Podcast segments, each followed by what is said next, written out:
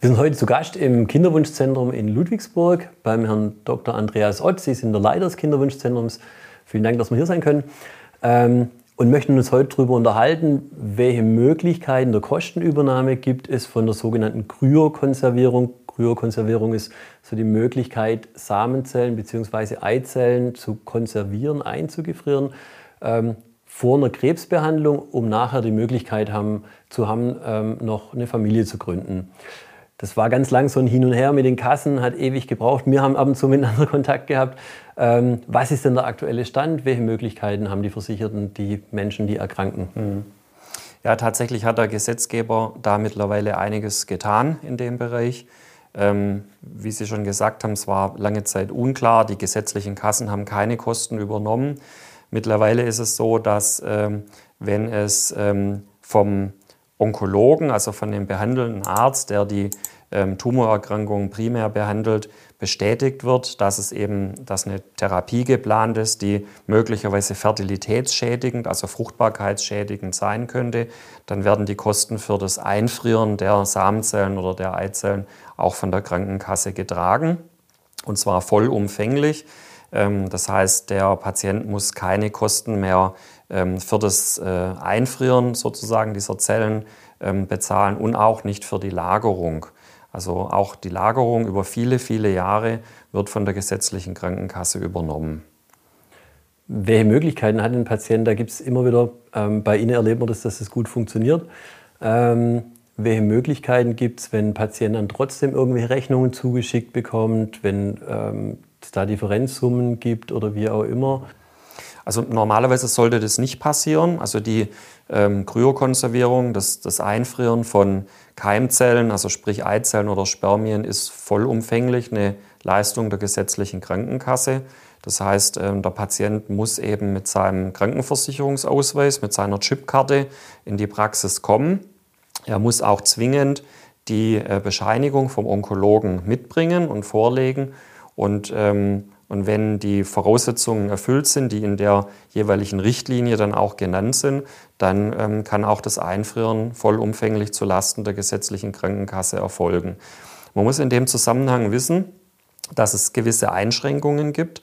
Zum Beispiel die Einschränkung, dass die Frau, also die Patientin, von der die Eizellen eingefroren werden sollen, nicht über 40 sein darf und der Mann nicht über 50 sein darf. Das ist zum Beispiel eine der, der Limitationen, die in der Richtlinie vorgegeben sind. Und wenn aber quasi der Arzt, der Onkologe bescheinigt, dass eine keimschädigende Therapie stattfindet, ähm, der Patient das Formular dabei hat, dann wird es von den Kassen übernommen, bringt seine Chipkarte mit und. Genau. genau. Gibt es bei Privatversicherten da irgendwelche Probleme? Ja, also letztlich ist es so, dass es für die Privatversicherten noch keine verbindliche Regelung gibt. Ähm, es liegt nahe, dass wenn sozusagen der Privatversicherte auch der Erkrankte ist, ja, wenn es sich jetzt um ein Paar handelt. Also sprich, der Mann hat zum Beispiel einen Hodentumor und möchte dann vor Beginn ähm, der Therapie Samenzellen einfrieren lassen, dann sollte das eigentlich auch die private Krankenkasse übernehmen. Aber da muss man im jeweiligen Einzelfall bei der Krankenkasse nachhaken und sich die Kostenübernahme am besten auch schriftlich zusichern lassen. Denn oft ist das ähm, so, dass es aus den Versicherungsverträgen nicht ohne weiteres hervorgeht, dass das sozusagen auch mitversichert ist. Bei den Frauen ist ja durchaus ein komplizierteres Verfahren, wo man Hormone spritzen muss und und und. Ähm, wird es auch komplett übernommen oder wie ist es da? Mhm. Ja, tatsächlich ist es so, dass ähm, sowohl das Vorgespräch, das Beratungsgespräch, als auch die erforderlichen Hormonuntersuchungen, die man vor Beginn der Behandlung machen muss, als auch die Medikamente und die Ultraschalle und die Entnahme der Eizellen. Also alles wird vollumfänglich von der gesetzlichen Krankenkasse übernommen. Wie sieht es denn mit den Kosten aus, wenn die Therapie abgeschlossen ist und jemand möchte einen Kinderwunsch realisieren? Das sind ja schon auch nochmal kompliziertere Verfahren. Wer übernimmt da die Kosten? Mhm. Also da haben, haben, sich die gesetzlichen Krankenkassen darauf verständigt, dass hier eigentlich die gleichen Regelungen dann ähm, zur Anwendung kommen wie bei infertilen Paaren, also bei bei Paaren, die aus irgendwelchen anderen Gründen eine Fruchtbarkeitsstörung haben. Letztlich ist das Verfahren so, es gibt einen Antrag bei der Krankenkasse, den man stellen muss. Ist einfach ein rosa Formular, das wird abgestempelt bei der Krankenkasse. Und dann ähm, kann die Behandlung beginnen. Das heißt, die eingefrorenen Eizellen oder die eingefrorenen Spermien können eben mit dem jeweils anderen sozusagen zusammengebracht werden. Es entstehen dann befruchtete Eizellen und Embryonen, die man dann ähm, bei der Patientin einsetzen kann. Und man kann sich im Prinzip ähm, grob merken, dass äh, von diesen Behandlungskosten 50 Prozent durch die gesetzliche Krankenkasse getragen werden. Das heißt, ähm, hier muss ein bestimmter Eigenanteil von dem Patientenpaar dann selber getragen werden. So größenordnungsmäßig sind es pro Behandlung dann zwischen 1500 und 2000 Euro, was ein Paar dann noch ähm, selber übernehmen muss.